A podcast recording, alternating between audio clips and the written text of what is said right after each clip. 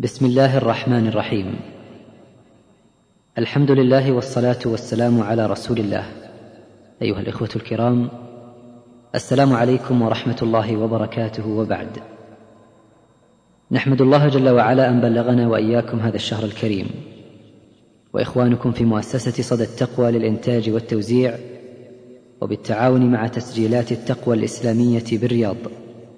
يسرهم وكما عودوكم للعام الثامن على التوالي أن يقدموا لكم ضمن سلسلة المختارات الرمضانية لهذا العام 1421 من الهجرة عددا من الموضوعات حول هذا الشهر الكريم الذي نسأل الله أن يبلغنا إياه أعواما عديدة.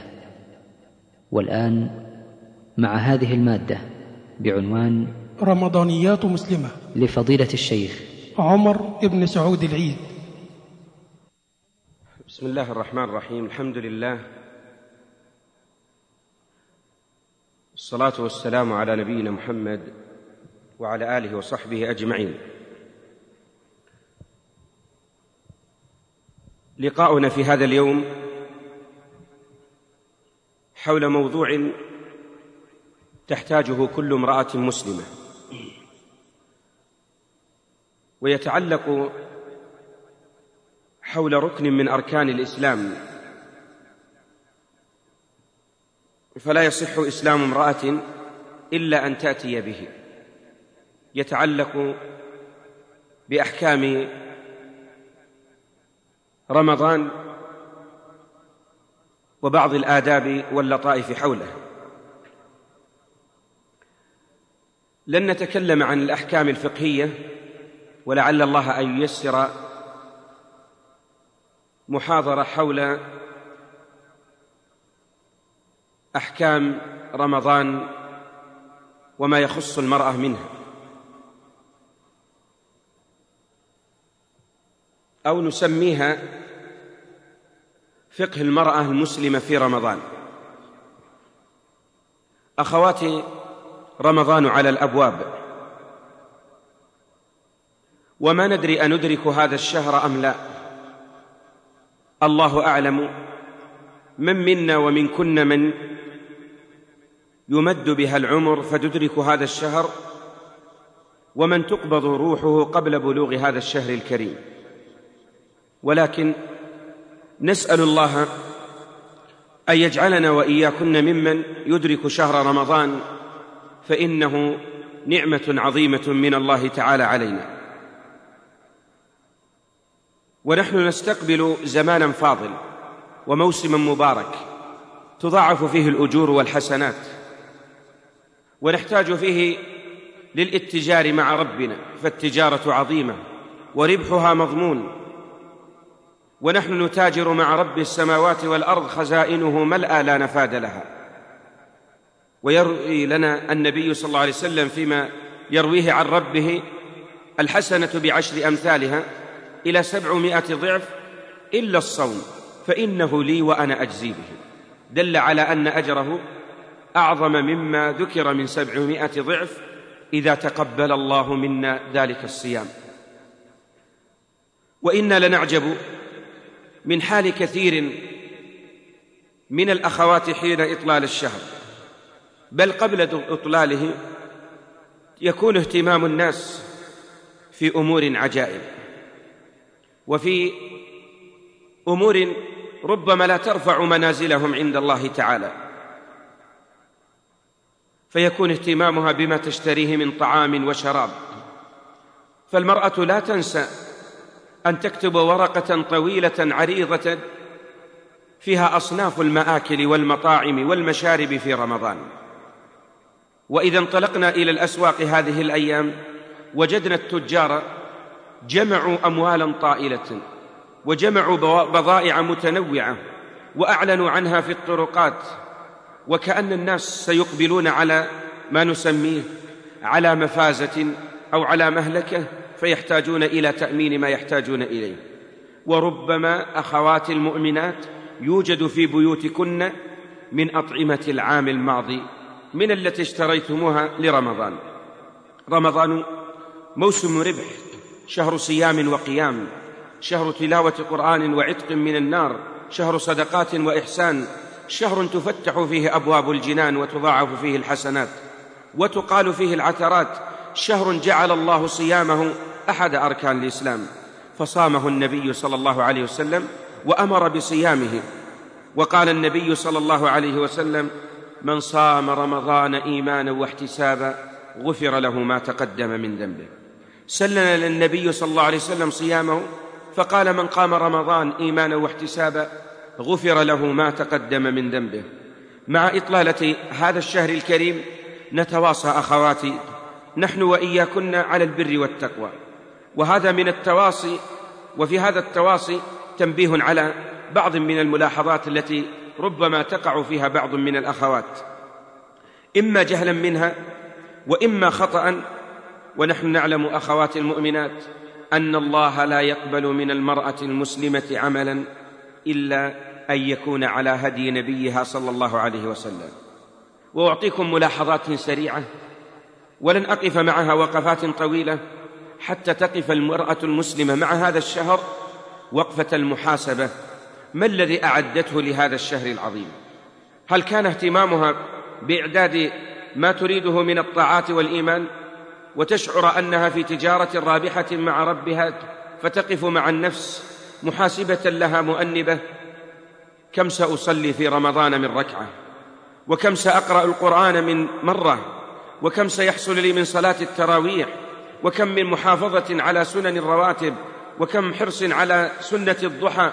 وكم محافظة على الأذكار والأوراد؟ أم أنك تغفلين فيكون الاهتمام؟ ما الذي سنطبخه اليوم في الإفطار؟ وغدا ماذا سنعد طعاما غيره وبعده وليال تضاع فإلى الله المشتكى من حال بعض من المسلمات.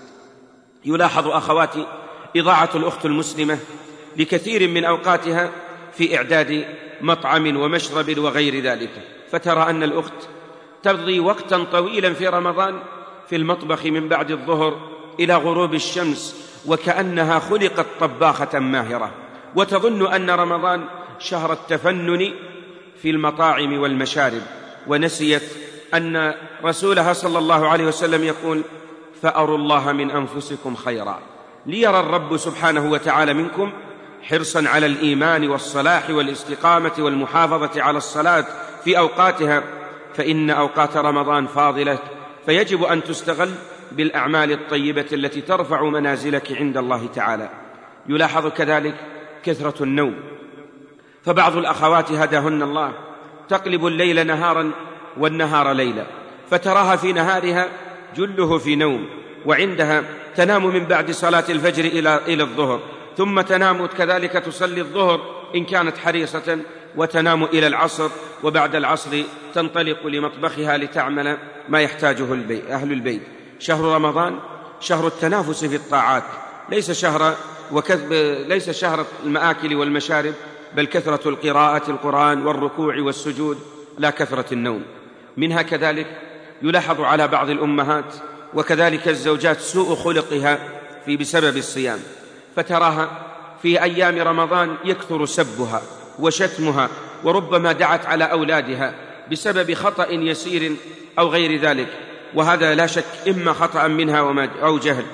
أما علمت هذه المرأة المسلمة أن النبي صلى الله عليه وسلم أمر بألا ندعو على أحد وأن الصائم تقبل دعوته فإياك أن تدعي على أحد من أولادك فيجيب الله دعاءك فتكوني أنت سببا لانحراف هذا الإبن أو لوجود شيء من المصائب والابتلاء عليه. وإذا رأيت أحدا عنده شيء من سوء الخلق أو غير ذلك فقولي إني صائم كما قال النبي صلى الله عليه وسلم فإن سابه أحد أو شاتمه فليقل إني صائم. إن الصيام لا شك بأنه من أسباب الإجابة فينبغي أن نكثر من الدعاء فيه لأنفسنا والدعاء لأولادنا وأزواجنا وأمهاتنا وآبائنا فإنهم في حاجة عظيمة إلى هذه الدعوات فرب دعوة من قلب صادق يجيبها الله يرفع الله بها لك منازل ويقر عينك بما دعوت فتسعدي أنت ومن دعوت له بطاعة الله تعالى. من الملاحظات كذلك تأخير الصلاة عن وقتها. بسبب النوم فلا تصلي المرأة الظهر إلا مع العصر وربما لا تصلي العصر إلا مع المغرب إن كانت مدرسة أو كانت طالبة فنسيت ذلك فنسيت الصلاة وأخرتها فعصت الله في رمضان مع أن رمضان شهر الطاعات والبعد عن المعاصي لا شهر البعد عن الله تعالى. أليس ربنا يقول فويل للمصلين الذين هم عن صلاتهم ساهون. ذكر المفسرون أنهم هم الذين يؤخرون الصلاة عن وقتها. كذلك من من الملاحظات بعض من النساء هداهن الله تضيع وقتها في النظر إلى الملاهي فتراها تتابع قنوات فضائية وبعد غروب الشمس تتابع برامج تظن أنها ترفيهية تسمع فيها زمرا وطربا وتضيع بها شيئا من الوقت فتتابع مسلسلات أو فتتابع مسلسلات تعرض عليها يوميا. وكذلك ربما اشترت شيئا من الأشرطة فتنظر إليها فترى ما يغضب ربها ويبعد قلبها عن الله تعالى. أو تشغل وقتها بأن تقرأ في مجلات لا خير فيها فيها من الصور الساقطة وكذلك من الأمور التي لا تستفيد منها ما بين ممثلين وممثلات ومطربين ومطربات بدلا من أن تنشغل بطاعة الله تعالى تشغل وقتها بقضية المعاصي. نقول لك أختي المسلمة إن عمرك محسوب عليك إن سمعك وبصرك ستسألين عنه يوم القيامة. أليس ربك يقول إن السمع والبصر والفؤاد كل أولئك كان عنه مسؤولا؟ فما يكون جوابك بين يدي الله يوم القيامة؟ إذا سئلت عن عمرك فيما أفنيته فيما أفنيته ماذا تكون ماذا يكون جوابك؟ أتكوني تقولي أفنيته في سماع الزمر والطرب والنظر إلى الحرام؟ وهنا نقول لأخت المسلمة املئي عمرك بطاعة الله تعالى فاسمعي القرآن وأشرطة الإيمان واحرصي على سماع إذاعة القرآن وقلبي بصرك فيما أباح الله لك فإن ذلك يكون في ميزانك. اشتري مجلات إسلامية تقرأين فيها الآية والحديث والقصة الإسلامية تقرأين ما ينفعك في الدنيا والآخرة بدلا من مجلات لا تجمعين من قراءتها إلا المعاصي والآثام تكون سببا لبعدك عن الله تعالى. منها كذلك من الملاحظات يلاحظ أيتها الأخت المسلمة بعض من الأخوات في رمضان تنسى أن تقرأ أورادها أوراد الصباح والمساء. فكم من الأخوات نسيتها بحجة عمل البيت أو نزول الضيف عليها أو انشغالها بأولادها. أختاه كوني حريصة أشد الحرص على حفظ هذه الأوراد والمواظبة عليها.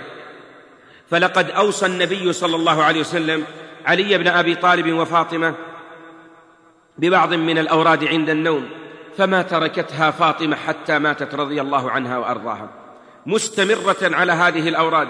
إذا أويتما إلى فراشيكما فسبحا واحمدا وكبرا ثلاثا وثلاثين. يقول علي بن أبي طالب فوالله ما تركتها وما ما تركتها وما نسيتها منذ سمعتها من النبي صلى الله عليه وسلم. قالوا له ولا ليلة صفين يوم الجهاد وغيره؟ قال رضي الله عنه ولا ليلة صفين فوالله ما تركت هذه الأوراد. هكذا يجب أن تكون الأم المسلمة حريصة على أن تحصن من شياطين الجن والإنس بهذه الأوراد لك أنت اول لنفسك وربي أولادك عليها فليكن أولادك إذا رأوا منك المحافظة على ذكر الله والجلوس لهذا الذكر حصل لك بذلك الخير العظيم لك في الدنيا وفي الآخرة.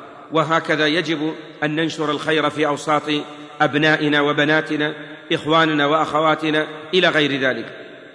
مما يلاحظ على الأخت المسلمة كذلك عدم المحافظة على السنن الرواتب فكثير من الأخوات هداهن الله تكتفي بالفرائض وحدها وكم يحصل فيها من التقصير والسهو فربما لو سئلت إحداكن أنت صليت العصر الآن فماذا قرأت في الركعة الأولى والثانية؟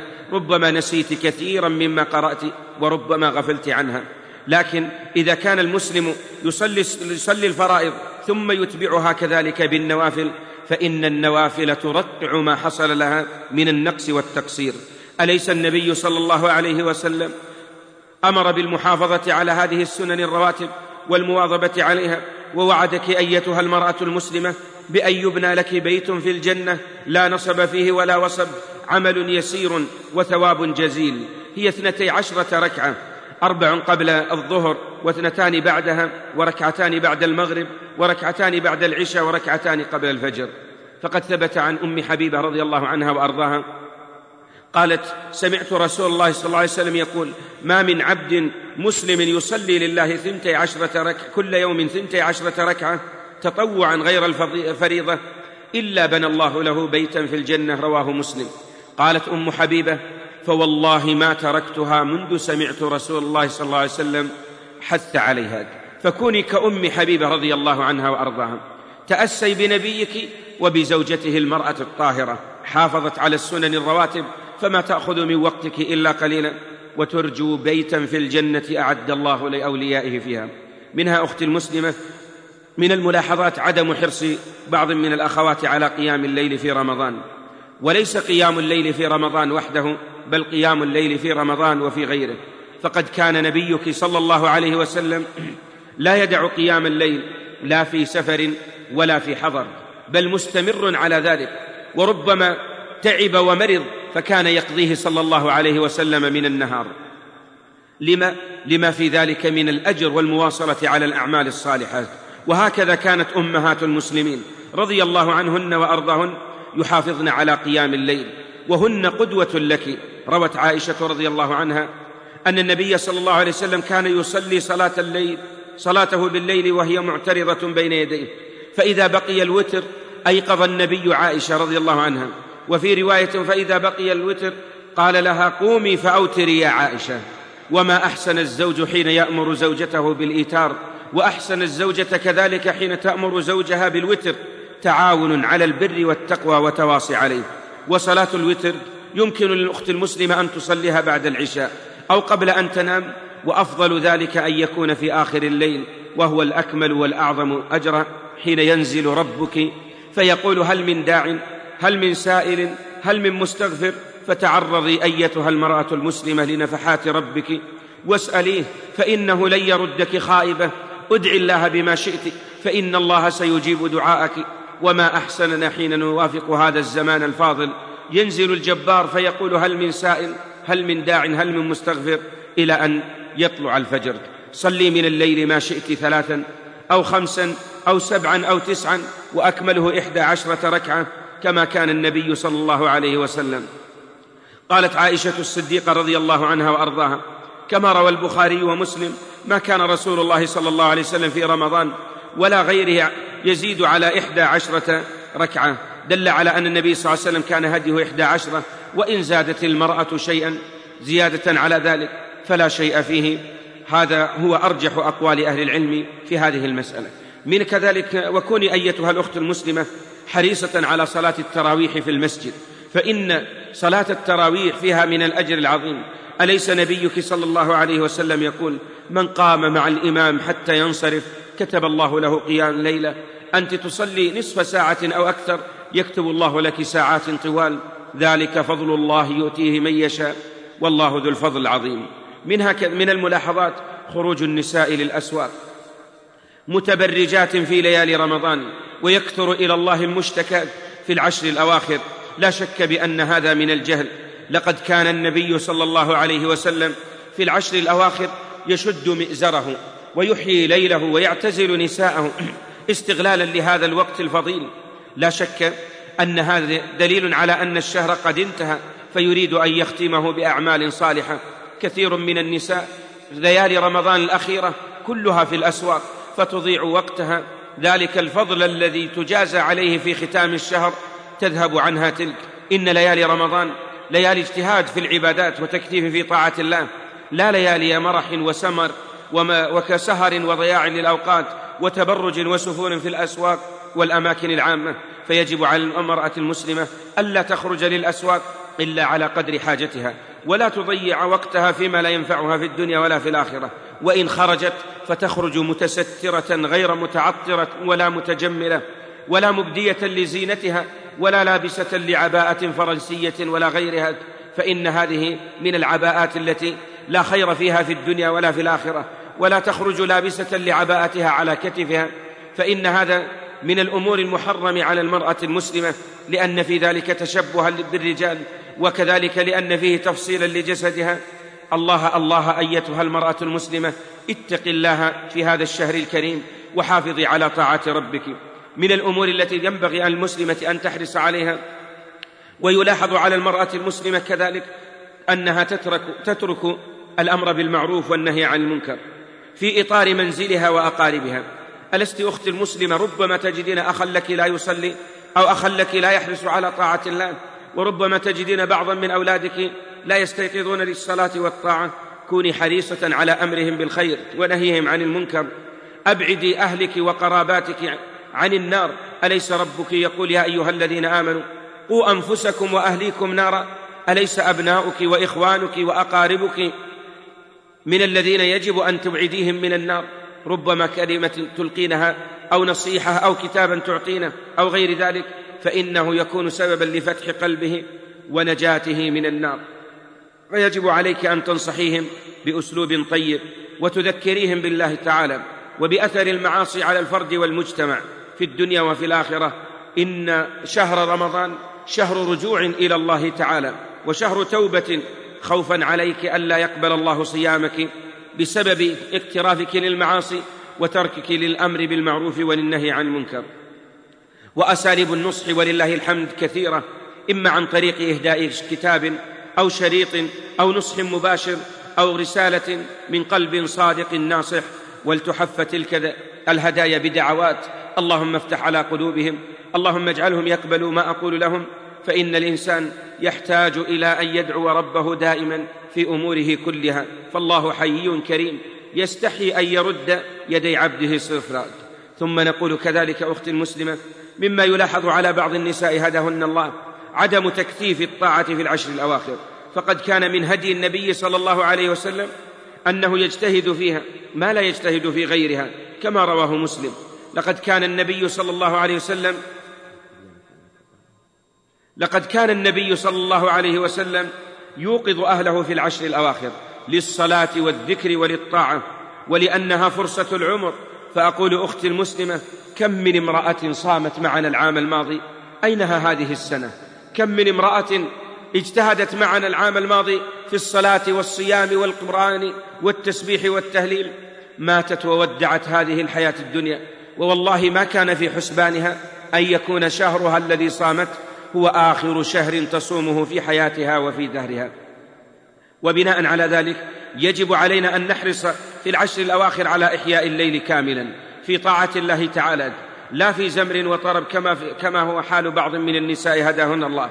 فقد ثبت أن النبي صلى الله عليه وسلم كان كان إذا دخلت العشر شد مئزره وأحيا ليله وأيقظ أهله كما في الصحيحين. هذه العشر فيها ليلة القدر وما أحسن أن ندرك هذه الليلة. ليلة واحدة يغفر الله لك ذنوبك وسيئاتك. من قام ليلة القدر إيمانا واحتسابا غفر له ما تقدم من ذنبه. ليلة واحدة تكون سببا لمغفرة الذنوب والسيئات ويصبح فيها المؤمن كيوم ولدته أمه. الله أكبر ما أكرم هذا الرب الكريم وما أجزل عطاءه. فأين التي تتعرض لنفحات الله؟ أين الراغبة في الأجر والثواب؟ ومنها أختي المسلمة ينبغي أن تكوني حريصة أشد الحرص على ضبط لسانك فإن بعضا من الأخوات تطلق لسانها في الأمور المحرمة. فترى أن لسانها مطلقا في الغيبة وفي, وفي النميمة وفي المعاصي وفي غيرها. رويدك أيتها المرأة المسلمة. كوني مستغلة للسانك في ذكر الله تعالى. حز القران وكوني في رمضان تختمين مرارا وليست مرة واحدة. في رمضان أشغلي لسانك بذكر الله ما بين تسبيح وتهليل واستغفار وإنفاق. ما بين ذكر ودعاء ما بين دعوة للخير ما بين دعاء لك بكل أمر يصلح قلبك في الدنيا والآخرة. كم من الخوات ربما جهلت هذه فأطلقت لسانها في أمور محرمة وأمور تبعدها. وألاحظ ملاحظة لطيفة. بعض من النساء حين يأتيها العذر وقد كتبه الله على نساء بنات آدم تنسى أن تعلم أن القرآن ربما لا يجوز لها أن تقرأه. ولكن نقول اقرأي القرآن ولكن ليكن على يديك قفازين. ولا تلمس القرآن وأنت على غير طهارة. ثم يمكنك أن تشغل لسانك بالتسبيح والتهليل والتكبير والاستغفار وغيره. أعمال الخير عظيمة. فليس المقصود في رمضان هو الصيام بل جميع أنواع الخير. أختي المسلمة إنك مسؤولة. أشد المسؤولية عمن أنت مسترعاة تحته عمن تحتك من البنات فواجب عليك أختي المسلمة أن تفقهي بنتك وأختك وغيرها فكم من الأخوات ربما نسيت أحكاما تتعلق بعلامات البلوغ فتكبر هذه الصغيرة وتحيض فلا تصوم شهر رمضان وتنسى أمها أن تعلمها وتستحي البنت أن تخبر أمها بما أصابها وبما كان لها وبناء على ذلك بعد سنوات وربما سألت كثير من النساء هداهن الله بعد أن تزوجت واستقامت على دين الله ذكرت بأنها قد مضى لها شهرا وشهرين من سنوات قد مضت لم تصمها مع أنها بالغة.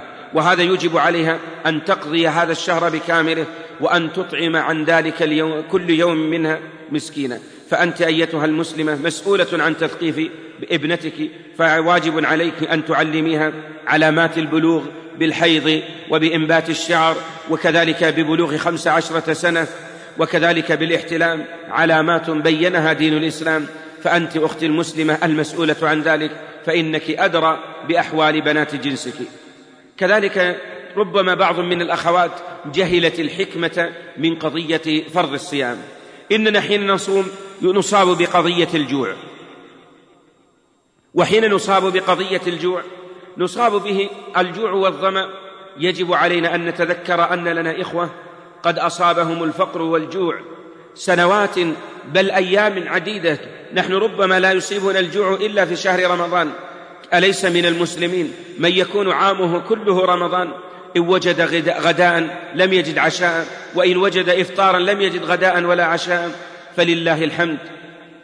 فلله الحمد الذي أنعم علينا بهذه النعم. وبناء على ذلك ينبغي أختي المسلمة أن تذكري إخوانك. فما تنسينهم من قضية الشفقة والرحمة ومن الصدقة والإحسان. فكم من جار لنا ربما يكون فقيرا يحتاج إلى شيء من هذه. وكم من كذلك ربما قريب عنده أيتام وأرامل يحتاج إلى شيء من ذلك. فاحرصي على أن تتصدقي في هذا الشهر الكريم. واستغليه بأعمال خيرة لعل هذه الصدقة تكون لك سترا من النار وسببا لدخولك لجنات عدن. ومن الملاحظات كذلك على المرأة المسلمة اعتقاد بعض النساء أنه لا يصح صومها إذا طهرت من الحيض أو النفاس حتى تغتسل. وإذا كانت المرأة قد طهرت من الحيض ولم يبق عندها من الوقت ما تغتسل فيه وإنما خرج عليها الفجر وهي منشغلة بالسحور وانقطع حيضها قبل أذان الفجر فإن صيامها صحيح تغتسل بعد أذان الفجر ولا شيء عليها. وهذا من الأحكام التي تنبغي للمرأة أن تتعلمها. منها كذلك ربما بعض من النساء تفطر إذا أحست بخروج الدم ولو لم يخرج. ونقول رويدك أختي المسلمة فإنك إن أحسست بخروج الدم ولكنه لم يخرج إلا بعد أذان بعد أذان المغرب فصيامك صحيح ولا شيء عليك. منها كذلك تحرج بعض النساء من ذوق الطعام فإن المرأة في نهار رمضان ربما تبتلى برجل حاد أو شرس في طباعه إن ازداد الملح في الطعام سبها وإن نقص شتمها فيمكنها أن تذوق وتخرجه ولا شيء عليها إن شاء الله تعالى. وينبغي كذلك أن تكون المرأة بعيدة عن أمور تكون ثمة فيها شيء من الزينة فإن أمور الزينة خاصة إذا كانت المرأة متزوجة. ربما دعا ذلك إلى أن يأتيها زوجها في نهار رمضان وأن ينبغي لها أن تبتعد. فالطيب على الملابس لا يفطر والبخور على الملابس لا يفطر لكن لا ينبغي للمرأة أن تقرب البخور إلى فمها فإن بعض أهل العلم ذهب إلى أنه يفطر في نهار رمضان. ومنها كذلك ظن بعض النساء أن خروج الدم من جرح أو رعاف أو قلع سن أنه يفطر المرأة الصائمة وهذا ليس بصحيح. فقد نص العلماء رحمهم الله تعالى أن الدماء التي تفطر الصائمة الحيض والنفاس أو الحجامة وكذا التبرع بالدم. أما لو خرج منها رعاف أو انقطع شيء من إصبعها وخرج منه دم أو غير ذلك فإنه لا يفطرها قل هذا الدم أو غيره. وكذا إذا احتاجت المرأة إلى تحليل الدم فإذا أخذ منها تحليل الدم لا يفطر لا يفطر المرأة الصائمة. منها كذلك ألاحظ أو كثيرا ما يسأل الأزواج أو تسأل النساء أنها تتهاون في نهار رمضان وهذا أمر محرم عليها. فلو طلب الزوج منها ذلك فيجب عليها أن تخرج من مكانه وأن تخوفه بالله والا تستجيب له ابدا. وإلا فلو مكنت نفسها له فإن ذلك يلزم عليه بسببه معصية الله ورسوله صلى الله عليه وسلم. وكذلك عليها الكفارة المغلظة وهي صيام شهرين متتابعين. فإن ربما يوم تفطره المرأة المسلمة يلزمها بذلك صيام شهرين متتابعين. فهنا نقول لأخوات ابتعدي عن هذا الأمر وانصحي زوجك بأن هذا الأمر لا يجوز له شرعا ولا تمكنيه من نفسك. وكوني مبتعدة عن هذا الأمر مخافة من الكفارة المغلظة. أقول لأخواتي يلاحظ على النساء في رمضان أنهن يجلسن ساعات طوال على الهاتف وهذا لا شك بأنه لا ينبغي لها ابدا. من كان يؤمن بالله واليوم الآخر فليقل خيرا أو ليصمت ما الذي تتحدث به المرأة؟ تجلس ساعة على الهاتف. هذه اشترت وهذه باعت وأخرى طلقت وتلك تزوجت وهذه طويلة وأخرى قصيرة. فربما غيبة ونميمة وكلام وسخرية وتعرض. إن المسلم في رمضان مأمور بامساك لسانه كما قال النبي صلى الله عليه وسلم من لم يدع قول الزور والعمل به والجهل فليس لله حاجة في أن يدع طعامه وشرابه. أليس النبي صلى الله عليه وسلم قد قال رب صائم حظه من صيامه الجوع والعطش ورب قائم حظه من قيامه السهر والتعب. فإذا أختي المسلمة كوني حريصة أشد الحرص على أن تحفظي لسانك فيما يفيد ولا تتصلي إلا لشيء يحتاج إليه دائما. وهنا أنبه على ملاحظات سريعة تتعلق بالمسجد حين تتوجه المرأة لصلاة التراويح. إن بعضا من النساء ربما تخرج إلى صلاة التراويح وهي متعطرة وفي ذلك مخالفة للنبي لأمر النبي صلى الله عليه وسلم.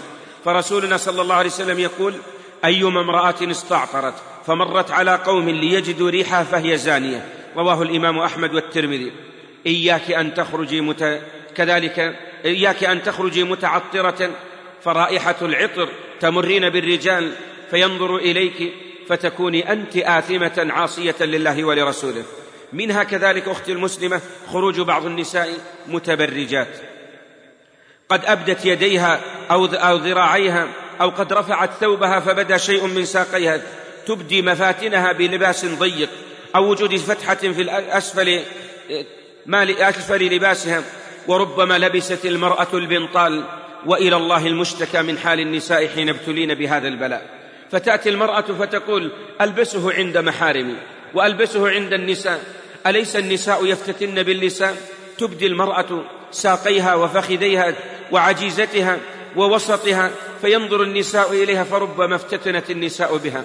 وربما نظر إليها بعض من أحارمها نظرة محرمة شهوة.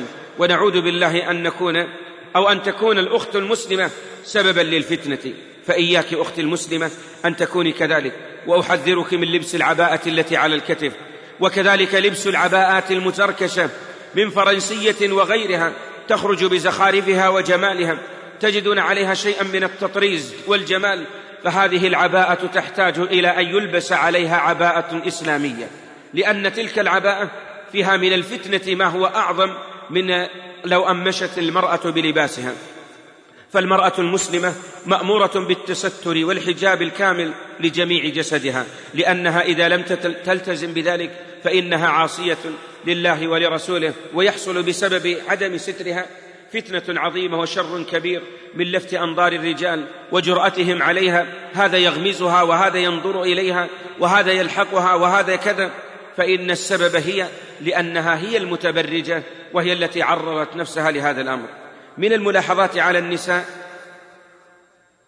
في المساجد كذلك بعض من النساء ربما أتت بأطفالها إلى المسجد وكانوا صغارا لم تؤدبهم آداب المسجد فتراهم يلعبون ويعبثون بفرش المسجد وربما يقذرون وربما يبولون في المسجد وربما يزعجون وربما يضربون النساء وهن ساجدات وغيره.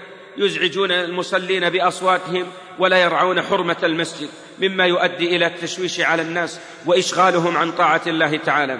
وهنا نقول لأختي المسلمة ينبغي لك أن تؤدبي ابنائك بآداب المسجد حتى يستفيدوا ويتعلموا أحكام العبادة وأحكام الصلاة.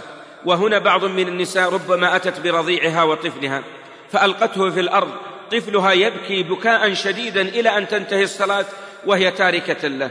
نقول رويدك إن طفلك يحتاج إلى شيء من العناية والرعاية فكوني حريصة أشد الحرص على تربيته وعلى عدم إهماله وعدم تركه في المسجد يزعج ببكائه للناس.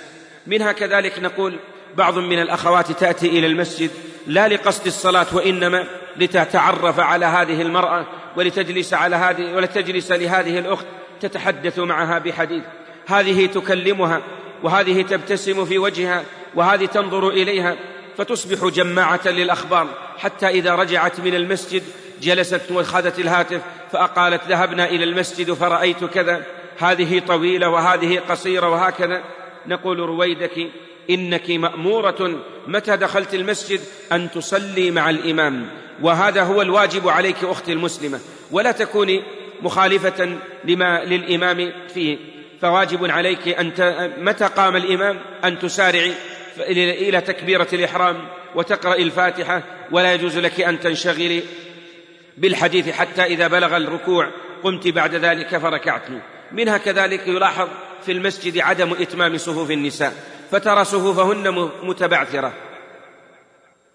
هذه وقفت في صف وتلك في صف آخر وصفوف متمايلة. والنبي صلى الله عليه وسلم قال ألا تصفون كما تصف الملائكة؟ كانوا يتراصون في الصف ويتمون الصفوف الأول. فما دامت المرأة محجوبة عن الرجال فتتم الصف الأول ثم الثاني ثم الثالث ولا يكون اهتمامها أن تصلي على سجادتها. بعض من النساء تأتي بسجادة كبيرة فما تريد أحدا أن يجلس معها؟ نقول رويدك هذا خلاف هدي النبي صلى الله عليه وسلم. من الملاحظات حضور بعض النساء مع السائق وربما جلست معه على جلست معه في الكرسي الأمامي وهو السائق عن يسارها وهي عن يمينه. نقول أيتها المرأة المسلمة إياك أن تكوني مع السائق وحدك. بل الواجب أن يكون معك أحد فإن الخلوة لا تجوز اطلاقا. والرسول صلى الله عليه وسلم يقول لا يخلون رجل بالمرأة إلا كان الشيطان ثالثهما. فإذا أردت أن تذهبي إلى المسجد فليكن معك بعض من محارمك. أو بعضك معك بعض من النساء وليكن المسجد قريب مخافه أن يدخل الشيطان على قلبك. ولذلك قال النبي صلى الله عليه وسلم في المرأة وبيوتهن خير لهن.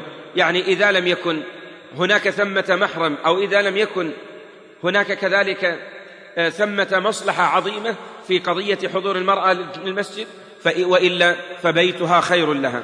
أقول لأخواتي بعض من النساء بعد انتهاء الصلاة يجلسن في المسجد ساعة أو نصف ساعة ما بين قيل وقال وربما ارتفعت أصواتهم فسمع الرجال فسمع الرجال كلامهن.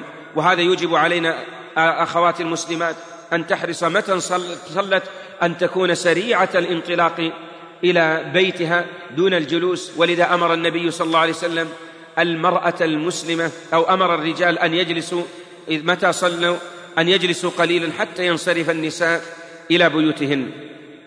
أعطي اخواتي وصايا سريعة حول رمضان وحول هذا الشهر الكريم.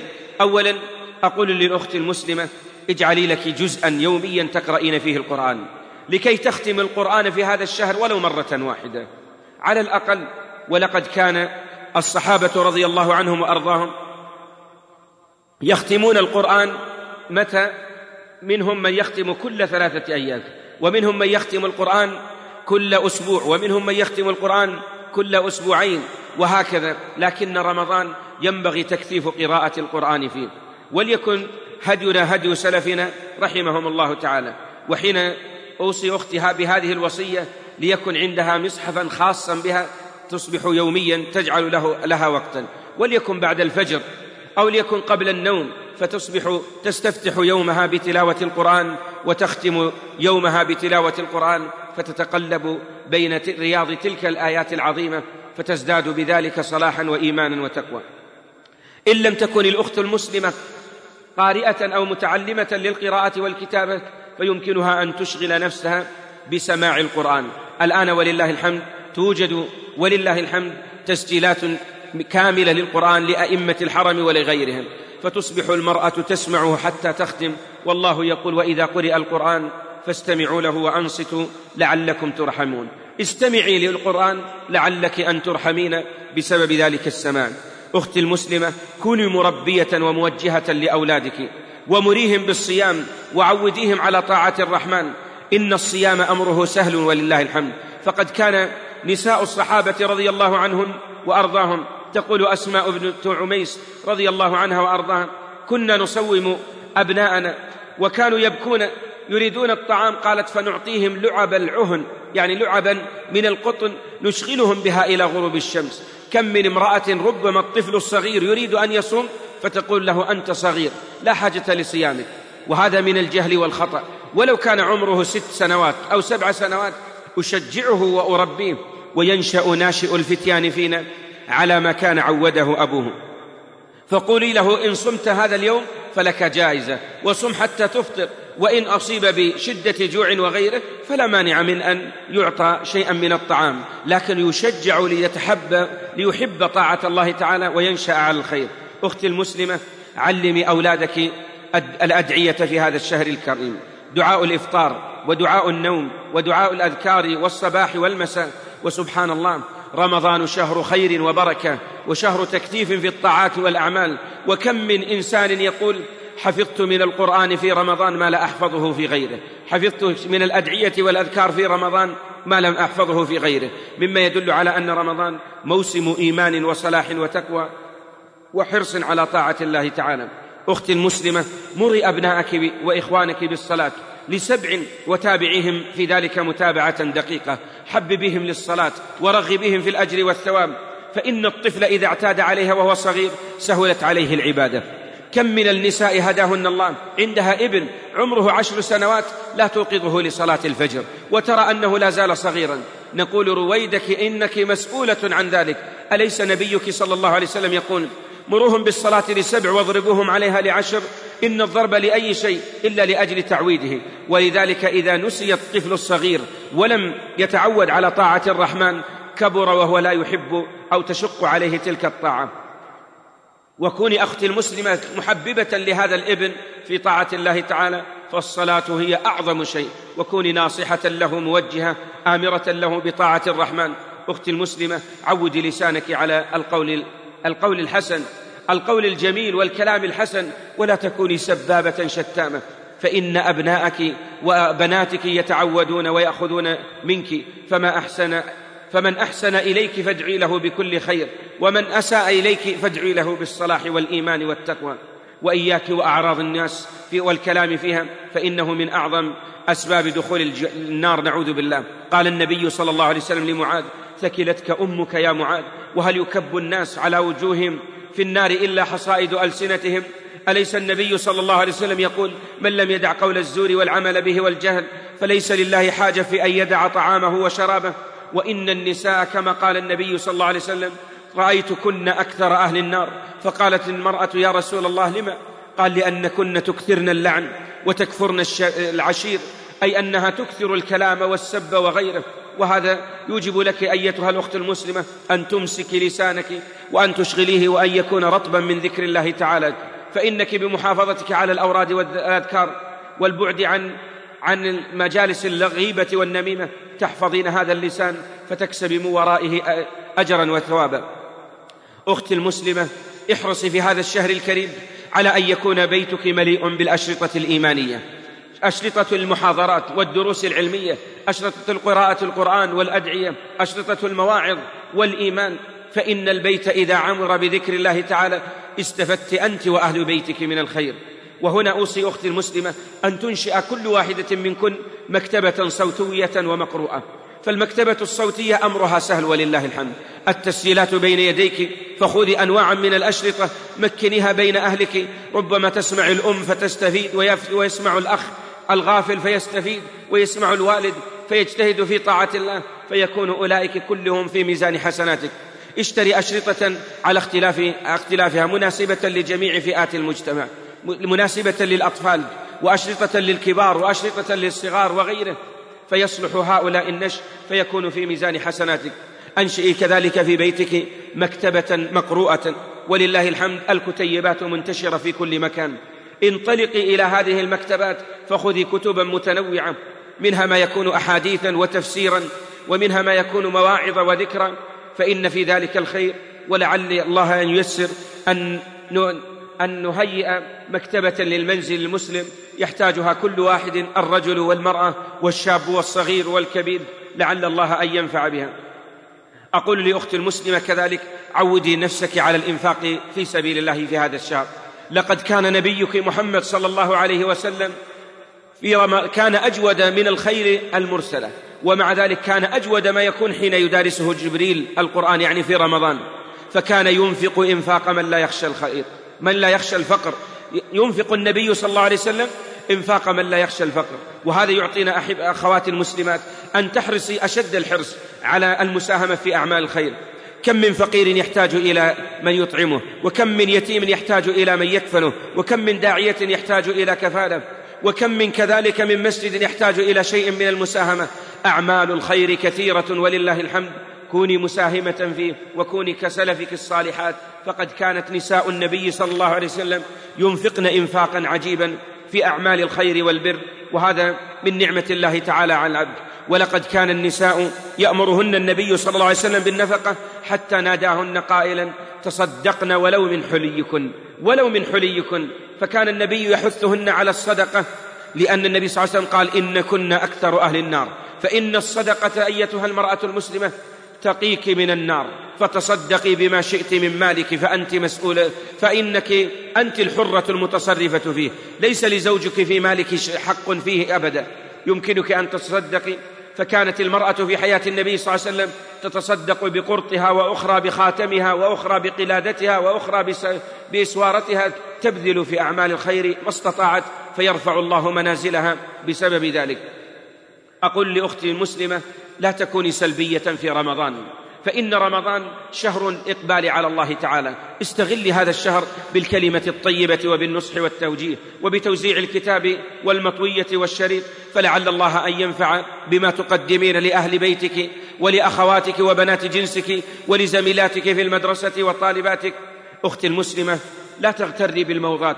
فإن الموضة كف فإن الكفار قد وجهوا لك سهاما قاتلة. متى وقعت في قلبك أضعفت الإيمان وأبعدتك عن رسولك صلى الله عليه وسلم وصرفتك عن التأسي بزوجاته وبنساء أهل الجنة. إن المرأة المسلمة لها دين يميزها وملتزمة بشرعها لا, تجو لا, تخالف لا يجوز لها أن تخالفه وأن تعرض عنه. فكم من فتيات الإسلام تأثرن بالغرب فأصبحت المرأة تقص شعرها كالمطربة الفلانية وكذلك كالممثلة وكعارضة الأزياء. أليس النساء انطلقن الآن إلى صور شتى كم من الموضات في اللباس انطلقت الأخت المسلمة. هذا فتحته من الأمام وآخر من الجنب وآخر من الظهر وهذا من, من مع الصدر. موضات ما نجد لها دليلا من كتاب ولا سنة أتريدين أيتها المرأة المسلمة؟ أن تتأسي بنساء النار وبحطب جهنم. إن هذه المرأة التي وضعت لك هذه الموديلات إن ماتت على دينها فهي إلى النار. لأن النبي صلى الله عليه وسلم يقول والذي نفسي بيده لا يسمع بي يهودي ولا نصراني ثم لا يؤمن بي إلا كان من أهل النار. إنك مأمورة بالتأسي بنساء أهل الجنة فنساء أهل الجنة أنت أعدت لك هذه هذه الجنات ولا إعداد لها إلا بطاعة الله تعالى. فاستقيمي أيتها المرأة المسلمة والتزمي بشرع الله وابتعدي عن قضية الموضات وعن القصات التي تؤخذ من الغرب. كوني متميزة بحجابك ولباسك. وبثيابك وبخلقك وأدبك لا تكوني منصاعة وراء الغرب تسيرين وراء كل ناعم. تأسي بزوجات المصطفى وبالصحابيات فهن هن اللاتي التزمن بدينهن وترب وربين أولادهن على الصلاح والإيمان والتقوى. أوصيك أختي المسلمة قومي بزيارة جيرانك. ومناصحتهم واحرصي على أن تحملي معك حقيبة الإيمان. وفيها أدوات فيها أدوات تجميل القلوب. كتاب وشريط ومطوية وكلمة. فإن في ذلك الخير الكبير. فكم من امرأة أهدت لأختها كتابا وشريطا كان سببا لصلاح قلبها واستقامتها وحرصها على طاعة الله تعالى. هكذا يجب أن تحرص المرأة المسلمة في هذا الشهر الكريم على المناصحة وزيارة الجيران فإن في ذلك خيرا كبيرا. فإن في هذا خيرا كثيرا في قضية دعوة إلى الله تعالى. كم من امرأة اهتدت في هذا الشهر الكريم وكم من امرأة تابت إلى الله وأقلعت من ذنوبها في هذا الشهر. فشهر رمضان شهر الرحمات وشهر المغفرات وشهر التوبة وشهر العتق من النار. هنيئا لمن غفر له في رمضان. نعوذ بالله أن نكون من ممن دعا عليهم النبي صلى الله عليه وسلم. فإن النبي صلى الله عليه وسلم لما صعد المنبر وهو يقول آمين آمين آمين سئل النبي صلى الله عليه وسلم عن ذلك. فقال النبي صلى الله عليه وسلم قال أتاني جبريل؟ فقال يا محمد من أدرك رمضان فلم يغفر له أبعده الله قل آمين. فقال النبي آمين. نعوذ بالله أن نكون من هؤلاء القوم المبعدين عن الله في رمضان. رمضان شهر المغفرات مغفرات تترى من صام رمضان إيمانا واحتسابا غفر له ما تقدم من ذنبه. من قام رمضان إيمانا واحتسابا غفر له ما تقدم من ذنبه. من قام ليلة القدر إيمانا واحتسابا غفر له ما تقدم من ذنبه. كذلك في آخر ليلة من رمضان يغفر الله للصائمين. سئل النبي صلى الله عليه وسلم أهي ليلة القدر؟ قال لا إن الصائم انما يؤتى أجره عند انقضاء عمله فمغفرات أربع فمن لا يغفر له في رمضان لا ندري متى يغفر له. وهنا يجب علينا أختي المسلمة أن نحرص أشد الحرص على البحث عن أسباب المغفرة في هذه الأيام المباركة أيام رمضان. انطلقي إلى المساجد التي يوجد فيها قراءة للقرآن بأصوات حسنة تشعري بأثر القرآن على قلبك. كذلك أختي المسلمة انطلقي إلى المساجد التي توجد فيها المحاضرات والدروس العلمية يكن ذلك سبب لصلاح قلبك فتسمعين كلمة وموعظة وذكرى وتذكير فيكون ذلك سببا لمغفرة ذنوبك وسيئاتك. أختي المسلمة إن رمضان من أعظم الأسباب لشفاعة العبد يوم القيامة فإنه النبي صلى الله عليه وسلم كما في مسند الإمام أحمد بسند صحيح يؤتى بالقرآن وبالصيام يوم القيامة يشفعان لصاحبهما. قال النبي صلى الله عليه وسلم أو كما قال الصيام والقرآن يشفع لصاحبهما. يقول الصيام أي ربي إني منعته الطعام والشراب فشفعني فيه. الإنسان يجر إلى النار ليلقى فيها فيأتي الصيام يحاج لك أيتها المرأة المسلمة يوم القيامة. فتكون النتيجة لا يدعك الصيام حتى يدخلك الجنة. ألا تريدين جنة عرضها السماوات والأرض؟ بلى وربي إننا كلنا في حاجة إلى تلك الجنات. وما أحوجنا أختي المسلمة إلى الإعداد لهذا الصيام والحرص عليه والاجتهاد فيه على والاجتهاد فيه بما يرضي ربنا لعله أن يكون شفيعا لنا يوم القيامة بين يدي الله تعالى. هذه خواطر سريعة وإن كان الوقت لا يسعفنا لإعطاء برنامج برنامج نقول لاخت المسلمة برنامج المسلمة في رمضان. لكن لعل الله أن يسر مع محاضرة فقه المرأة المسلمة في رمضان. أسأل الله أن ينفعني وإياكن بما نسمع وأن يجعلنا وإياكن أخوات المسلمات ممن يستمع القول فيتبع أحسنه. اللهم بلغنا شهر الصيام اللهم اجعل شهرنا شاهدا لنا لا شاهدا علينا. اللهم إنا نسألك أن ترزقنا صيام هذا الشهر إيمانا واحتسابا وقيامه إيمانا واحتسابا. اللهم اختم لنا شهرنا اللهم اختم لنا شهر رمضان بمغفرة الذنوب والسيئات. اللهم اجعله شاهدا لنا شفيعا لنا يوم أن نلقاك. اللهم اجعلنا ممن ينادى عليهم يوم القيامة من باب الريان. ينادى عليهم أين الصائمون فيدخلون. اللهم اجعلنا ممن ينادى عليهم يوم القيامة. كلوا واشربوا هنيئا بما أسلفتم في الأيام الخالية. اللهم توفنا مسلمين وألحقنا بالصالحين.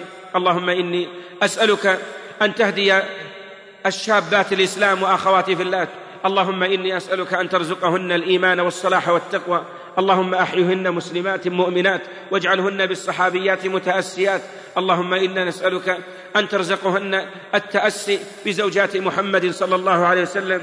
اللهم كما جمعتنا في هذه الأماكن الطيبة المباركة في دار ذكر وإيمان وفي مجلس للتواصي على الخير فاجمعنا في الفردوس الأعلى في مقعد صدق عند مليك مقتدر. ونصلي ونسلم على نبينا محمد وعلى آله وصحبه. شكر الله لفضيلة الدكتور الشيخ. نقول أختي المسلمة نبيك محمد صلى الله عليه وسلم قد قال لك اكثروا من ذكر هادم اللذات. أمر بالإكثار من ذكره والسبب لئلا نسبح في بحر الآمال ولئلا نخلد للدنيا ولأجل أن نستعد للموت بطاعة الرحمن والنبي صلى الله عليه وسلم يقول الكيس من دان نفسه وعمل لما بعد الموت. عمل لما بعد الموت. حتى إذا كثرت من ذكر الموت عملت لما بعد الموت. ثم أقول أختي المسلمة إنك لم تخلقي لهذه الحياة الدنيا. خلقت لجنات أعدها الله لك. وبناء على ذلك أختي المسلمة فاستعدي للجنات. والدنيا سرعان ما تذهب وتزول. فلا تنخدعي. والله يقول فلا تغرنكم الحياة الدنيا ولا يغرنكم بالله الغرور. أسأل الله أن يجعل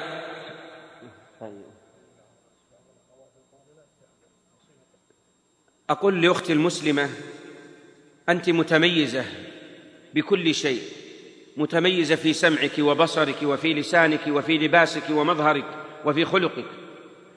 وأنت مطالبة أختي المسلمة بطاعة الله ورسوله. وإذا وجدت المعصية فلا يجوز لك أن تحضري فيها.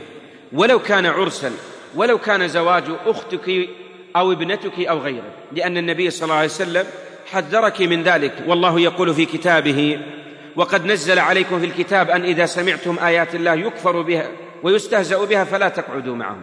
وفي إذا رأيتم الذين يخوضون في آياتنا فأعرضوا عنهم. وجاءت الآيات تمنعنا. ثم أقول لأختي المسلمة شيخنا رحمه الله الشيخ عبد العزيز بن باز يقول إجابة الدعوة واجبة لكن إذا وجد فيها ما يسمى بالطبول أما الدف فلا شيء فيه. أما إذا وجد الطبول ووجد فيها كذلك آلات الموسيقية والغناء الماجن قال فلا يجوز اطلاقا للمرأة ولا للرجل أن يحضروه فقال بعض الأحبة هذا فيه قطيعة رحم ما نحضر للأقارب في زواجاتهم؟ قال الشيخ رحمه الله ليس هذا من قطيعة الرحم. هم الذين قطعوا الرحم لما أوجدوا المعصية. أنت لم تقطع رحمك لأنك تريد أن تحضر لكن لما وجدت معصية الله ورسوله فالله ورسوله أحق أن ترضوه. أسأل الله أن يفقهنا وإياكن في دينه وأن يبعدنا نحن وإياكن عن معاصيه. لعلي نبهت على هذا السؤال بأن الواجب على هذه المرأة المسلمة آه، أن آه، على أمها الواجب على الأم المسلمة أن تفقه بنتها في أحكام آه، البلوغ وأحكام الحيض. وبناء على ذلك هذه المرأة يجب عليها أن تقضيها ومع كل يوم تطعم مسكينا. أسأل الله أن ينفعني وإياكم. شكر الله لفضيلة الشيخ على ما قدم وجعله في ميزان حسناته. مع تحيات إخوانكم في مؤسسة صدى التقوى للإنتاج والتوزيع وتسجيلات التقوى الإسلامية بالرياض. وإلى اللقاء مع شريط آخر والسلام عليكم ورحمة الله وبركاته. تم تنزيل هذه المادة من موقع نداء الإسلام www.islam-call.com